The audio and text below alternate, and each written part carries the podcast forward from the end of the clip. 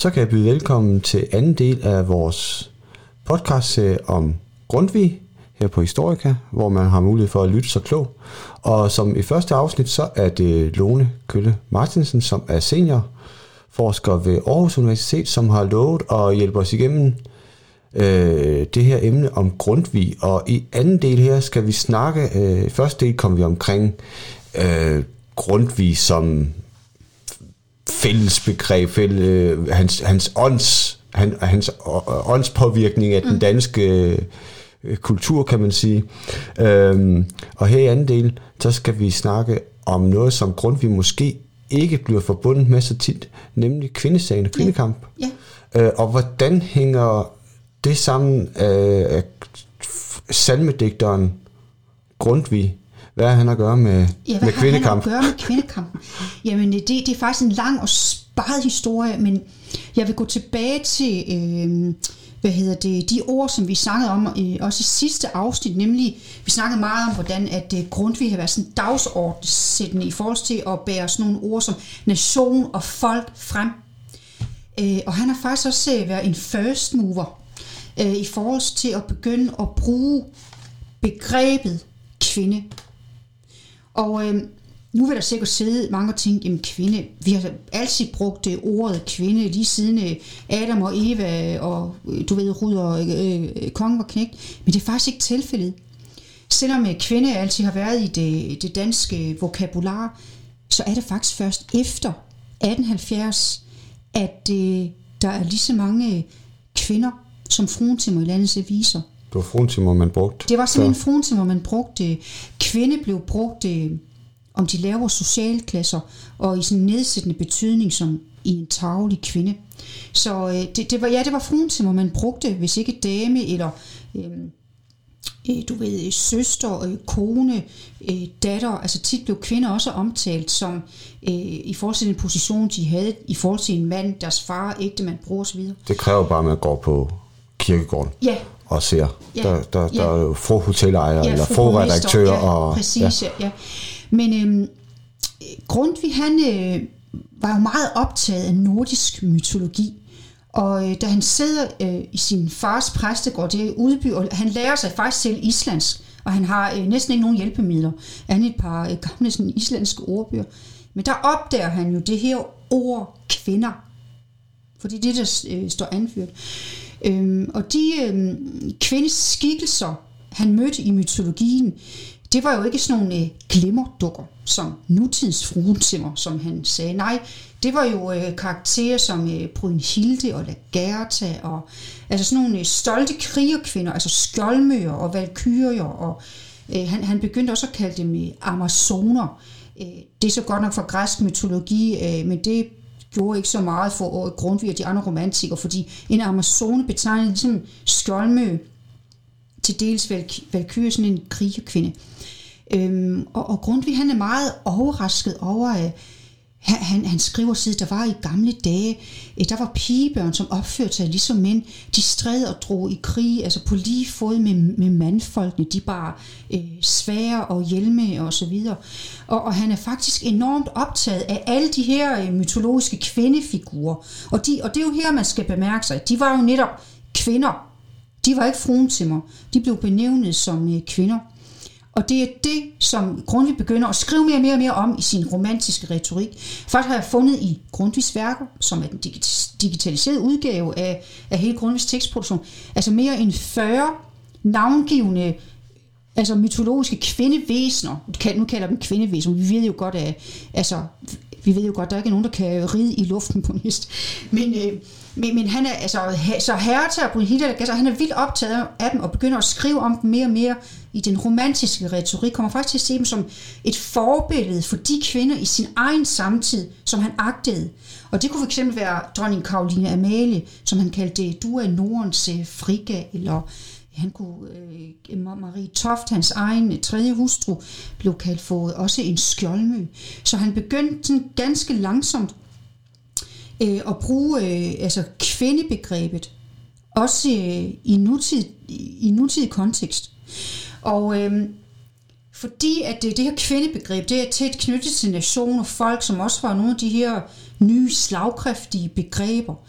Jamen, øh, så opdager øh, nogle af de tidlige øh, kvindesagsforkæmper, de, de begynder at opdage øh, begrebet og begynder også at bruge nogle af de her øh, betegnelser som skjoldmø og valkyrie som sådan, altså, som sådan selvkarakteristik. Men øh, hvis vi tager, prøver at tage et konkret eksempel nu, hvor vi ligesom har øh, kortlagt eller lige skitseret det her kvindebegreb, som, og de her kvindefigurer, som Grundtvig mødte i mytologien. Ja, er, er, ved man, hvorfor han blev så fascineret af dem?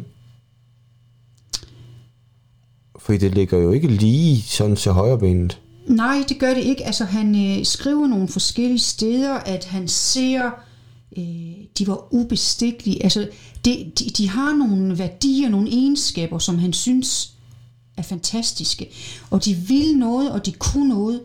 Og, og der skal man jo tænke på, altså de kvinder, som Grundtvig mødte han samtidig, mange af dem, de havde jo ikke uddannelse. For piger, de gik jo ikke i skole.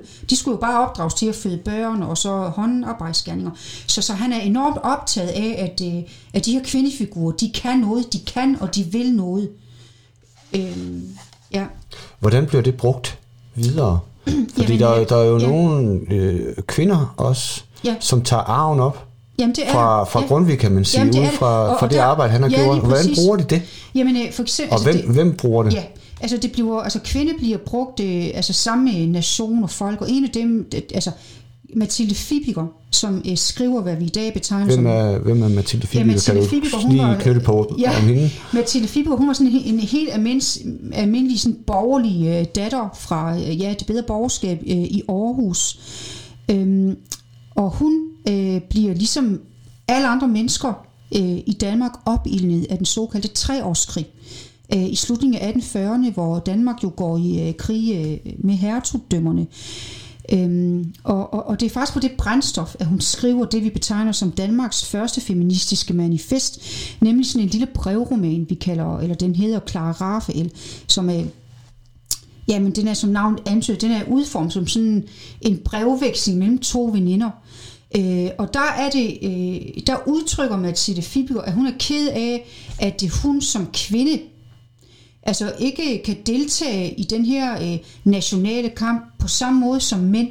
Fordi altså, altså kvinde blev jo ligesom, eller kvinde var jo t- knyttet til mand, det er jo det modbegreb til kvinde. Altså det, hun, det de oplevede, det var jo, at det var mænd, der drog i krig og kunne ligesom kæmpe for den nationale sag.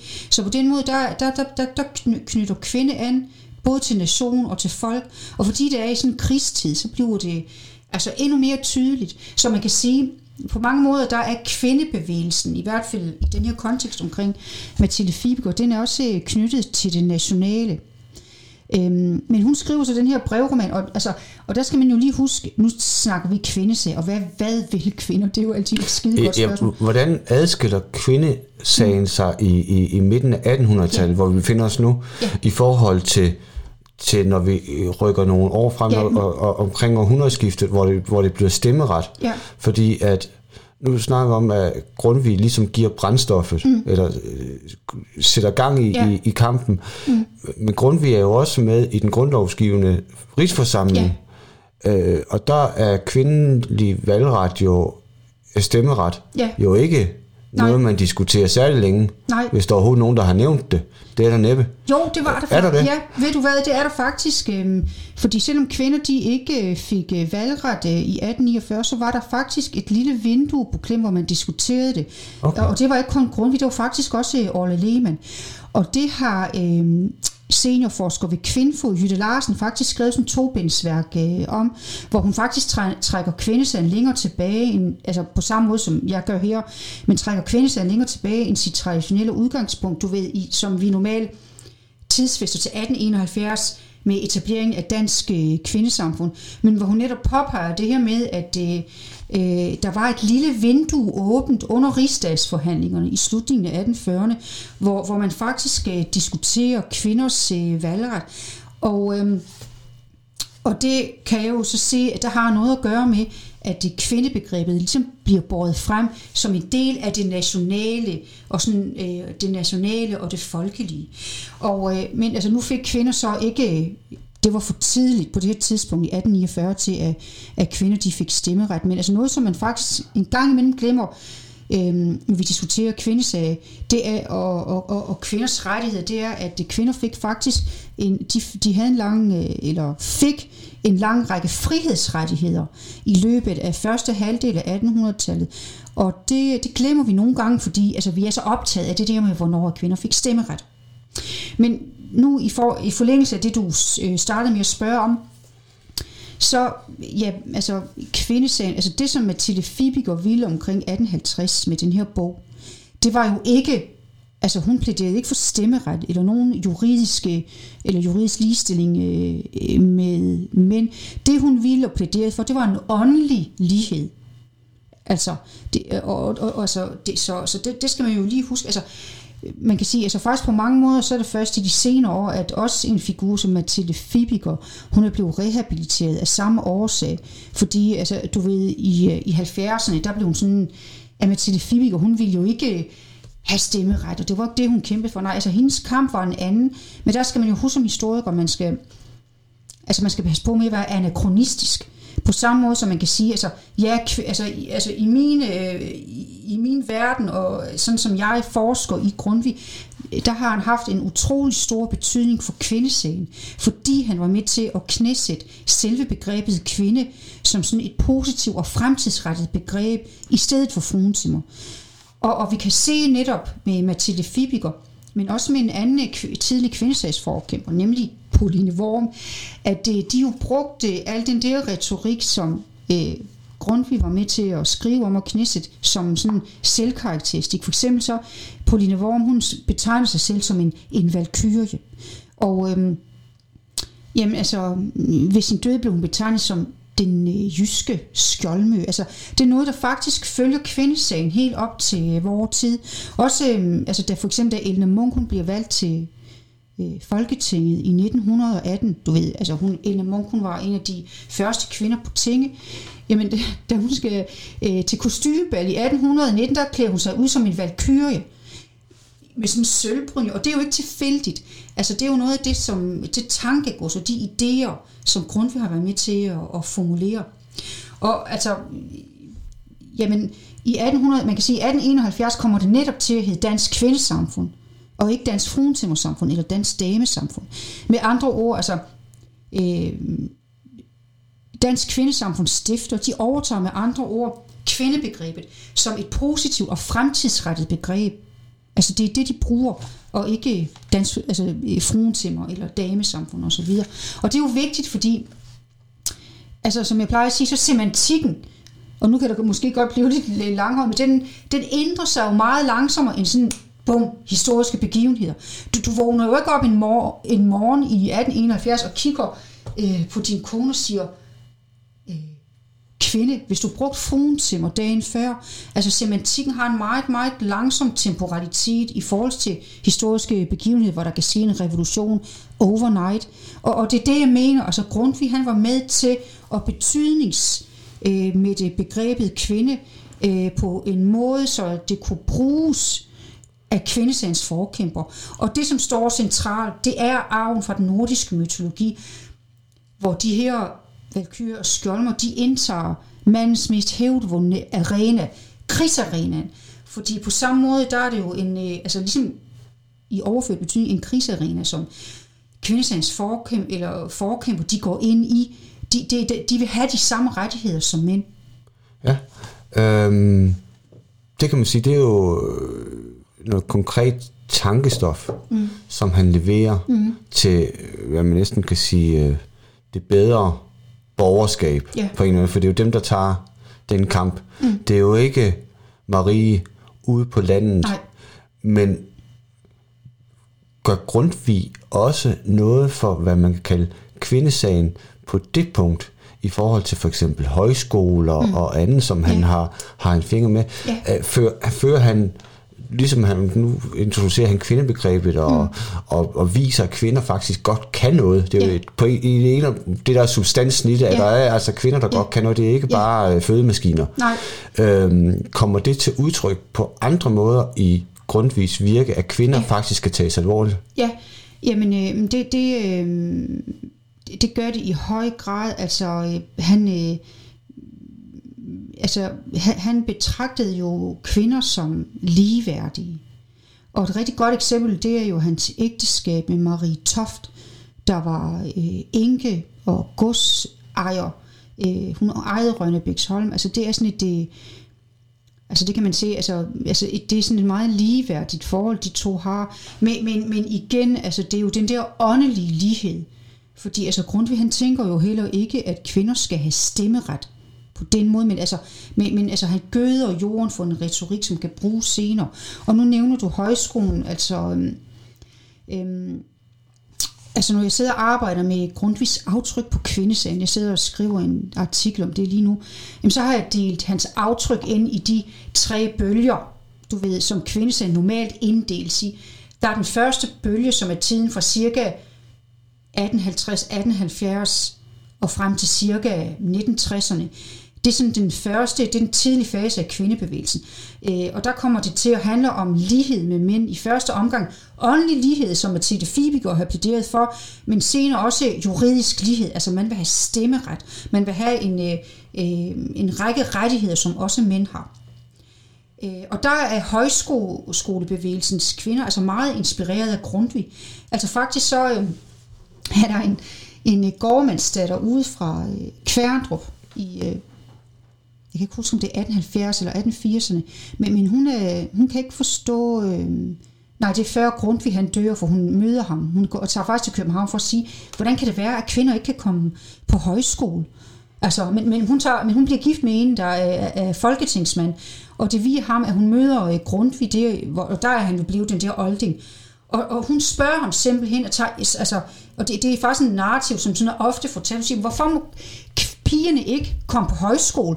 Nu har du jo været med til at sige, at mand og kvinde, øh, de er hinandens, øh, altså de er ligeværdige. Altså hvorfor kan kvinder så ikke komme på højskole? Og, Hvor, og så, hvorfor kunne de ikke det? Var det noget, man ikke havde tænkt på, eller, eller hvor, hvorfor, hvorfor var de udelukket? Og hvad, hvad bliver resultatet af mødet? Altså, resultatet af mødet, det bliver, at grund siger, ja, pigebørnene skal også på højskole. Øh, og, og, og så tager Anne, Anne Jensen tilbage til Kværndrup og laver faktisk den første øh, højskole for kvinder. Og der kan man jo sige, det er jo ikke, det er jo er faktisk et meget direkte aftryk fra Grundtvig, fordi nu i de her tider, når vi snakker om Grundtvigs øh, påvirkning og, og, og hvad hedder det, indflydelse på det danske samfund, så er der meget, jamen, altså havde han nogen direkte påvirkning? Ja, altså jeg mener faktisk, at han havde en direkte indflydelse på os kvindesagen, når altså en, øh, en jævn øh, altså du ved, pige for en bondegård nede på Syfyn kan tage til København og have en samtale med Grundtvig og tage tilbage og oprette sådan en, en, en højskole for piger. Ja. Så altså, og, og, du ved, når man slår op på Kvindfos hjemmeside, øh, under, du ved, kvindebiografisk leksikon, de her tidlige kvindesagsforkæmper i den første bølge af kvindebevægelsens historie, der er over 40 kvinder, højskolekvinder især, hvis navn er knyttet til Grundtvig. Når vi så kommer frem til anden bølge af, af hvad hedder det, af, af kvindesagen, som vi traditionelle tidsfester fra sådan 1960'erne og så op til 1990. Du ved, det her rødstrømpebevægelsen kommer på banen. Øh, og det her, at øh, øh, kvinderne jo virkelig kommer ind på øh, universiteterne, og nu vil begynde at skrive kvinders historie frem fra glemslen. Nu vil man fandme ikke have noget at gøre med, du ved, store hvide mænd. Det her begreb om, altså, at det, det kun er... Øh, Øh, øh, konger og kejser og generaler, der betyder noget i historien. Nej, ud til højre med dem, nu skal kvindernes historie skrive frem. Og her, øh, der bliver Grundtvig faktisk ligesom helt ude med badevand, fordi han var jo en stor hvid mand. Han er jo, hvis ikke den så en af de største, hvad skal man sige, store hvide mænd i dansk historie. Så, så der, der, øh, der, der underkender man, eller ligesom hans betydning for kvindesagen. Og et konkret eksempel på det, det er højskolekvinden øh, og senere politikeren. Hun er meget radikale feminist, Elin Appel. Øh, hun, hun øh, skriver et øh, skrift i 1978, der hedder Kvindens genmæl. Og kvindens genmæl, altså det er jo øh, sådan en øh, polemisk øh, overskrift, som altså spejler Grundtvigs eget opgør med kirken i 1825. Øh, han skrev det her skrift, der hedder Kirkens genmæl. Og kvindens genmæl, der gør Elin Appel simpelthen op, både med Grundtvig og sådan øh, hele sin højskole-tradition. Øh, øhm, men, men det er jo her, at man må besinde sig, fordi altså, nu kan man jo klandre Grundtvig for ikke at være feminist. Det var, som jeg sagde før, altså øh, kvindesagen har på forskellige tidspunkter i historien vil noget forskelligt. Altså, du, altså, øh, der var jo ikke nogen i 1850, heller ikke Mathilde Fibiger, som krævede stemmeret, og nu skulle kvinderne ud på arbejdsmarkedet. Det er jo en gradvis proces, og det er jo derfor, altså når jeg siger, at man må besende sig, så er det jo fordi, Grundtvig han var jo progressiv med sin tids øjne. For eksempel, nu nævnte jeg eksempel med Mathilde Fibiger. Han var faktisk den eneste i København, den eneste mand, som bakkede Mathilde Fibiger sag op, at han kunne skrive den der roman. Ikke? Altså, og det er jo sådan nogle ting, man øh, skal have med. Men så Grundtvig, han blev altså skrevet ud der i anden bølge. Hvordan, hvordan kan det være, at han forsvinder på den måde ud af, af kvindekampen, øh, kvindekampens historie? Fordi at for mig, da vi forberedte det her, var det jo også helt nyt, da du foreslog, at vi skulle snakke om Grundtvig og ja. kvindekamp. Ja. Det er jo noget, som jeg ikke havde hørt om ja. overhovedet, ja. for at sige det rent ud, at, mm. at han havde noget indflydelse, ja. og som, som jo... Øh, det, er, det, er også en, øh, det er faktisk også en historie, som mangler at blive fortalt. Og, og det var også en øjenåbner for mig, da jeg begyndte at ligesom dykke ned i det her. Øh, og det, man skal kigge på, det er ikke øh, så meget Grundtvig sådan, altså konkrete handlinger.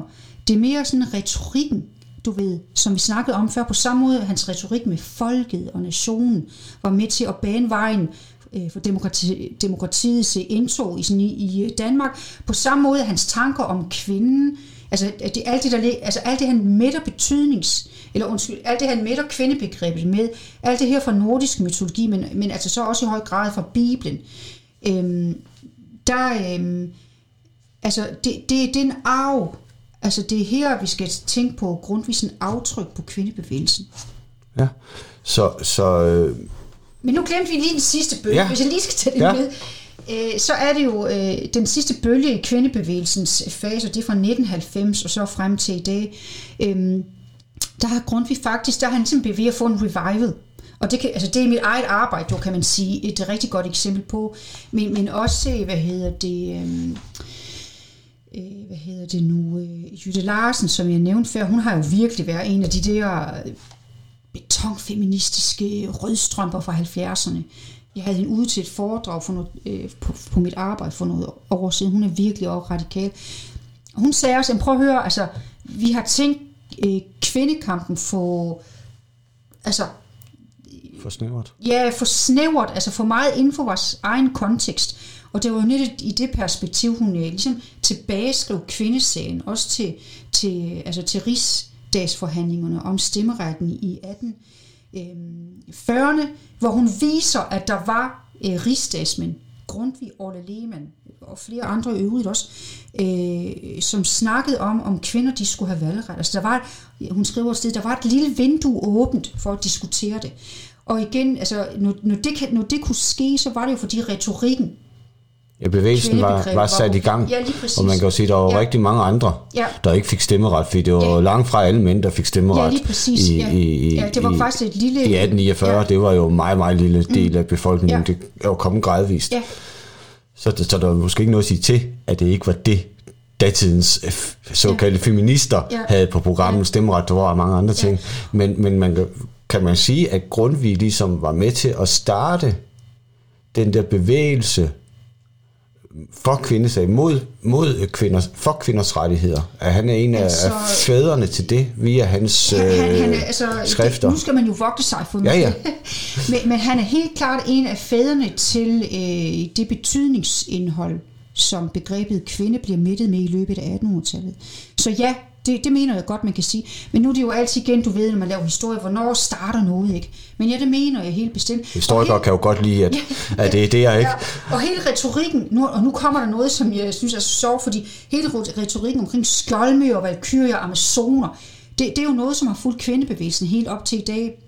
Og da, du ved, sidste år, da Anders Kloppenborg meldte sig ud af det radikale venstre, efter den der sag om Morten Østergaards hånd på Lotte Rode der brugte han jo betegnelsen, nu han vil ikke være med i radikale venstre mere, sådan nogle øh, øh, nådesløse furier og amazoner. Og det her amazonebegreb, det er jo netop et begreb, der går tilbage øh, til øh, altså slutningen af 1800-tallet, hvor det blev brugt i, i, øh, i samklang med, med kvinde. Det er sjovt. Det er Ja. en sjov tanke, at vi bevæger ja. os fra, fra Grundtvig til, til MeToo. Ja, Uh, ja. men tusind tak, Lone, for denne indføring i, i Ja. Grundtvigs øh, betydning for kvindekampen, mm. som jeg synes var både interessant og Ja. overraskende Ja. på, på mange Ja, punkter. men, men altså noget, som, hvis jeg lige må Ja, ja, afslutningsvis sige, det, der er virkelig kommet bag på mig, at der ikke er nogen, der har fundet ud af det med Grundtvig noget før. Og det kan jeg kun tolke som om, at det, du ved, tit så har øh, kvindehistorie ligesom ikke været vogue i historieskriven, så det har det ikke været det, som heller ikke mænd har interesseret sig for. Fordi altså, det, det ligger simpelthen lige for. Men, men det er vel fordi, at, øh, det ved du bedre, fordi det er dig, der ved noget om Grundtvig i forhold til mig. Det er vel fordi, at Grundtvig jo ikke traditionelt er blevet forbundet med det, og man, derfor har man jo ikke let efter Nej. de ting i hans skrifter, Nej. som, øh, som du så Ja. heldigvis har fundet frem, for det bringer jo et aspekt mere Ja. til, til Grundtvig Ja. og hans, øh, hans eftermæle, Jamen, om det. hvorvidt han egentlig spænder, Ja. som, vi, som jeg håber, at vi er kommet i, øh, igennem Ja. med de her to podcasts, så Ja. man forhåbentlig ved lidt mere om Grundtvig, mm. og øh, man kan ønske endnu mere, at folk har mere lyst til at dykke ned mm. og lære Grundtvig Ja. at kende Ja. noget, noget bedre, Ja. end jeg tror tilfældet er Ja. for rigtig mange i dag. Jamen, han er meget spændende. Man kan gå ind på grundtvigsværker.dk, øh, det er sådan en digitaliseret udgave, øh, vi laver øh, på Grundtvigscentret. Og der kan man søge på kryds og tværs i hans forfatterskab, og det er et meget nyttigt redskab. Ja. Jamen, øh, så lad, os Ja. være, lad, det, lad det være opfordringen til at, at dykke ned i Grundtvig, Ja. og så tusind tak til dig, Lone, fordi Ja, du tog dig tak. tid til at fortælle om Grundtvig. Tak for det. Selv tak.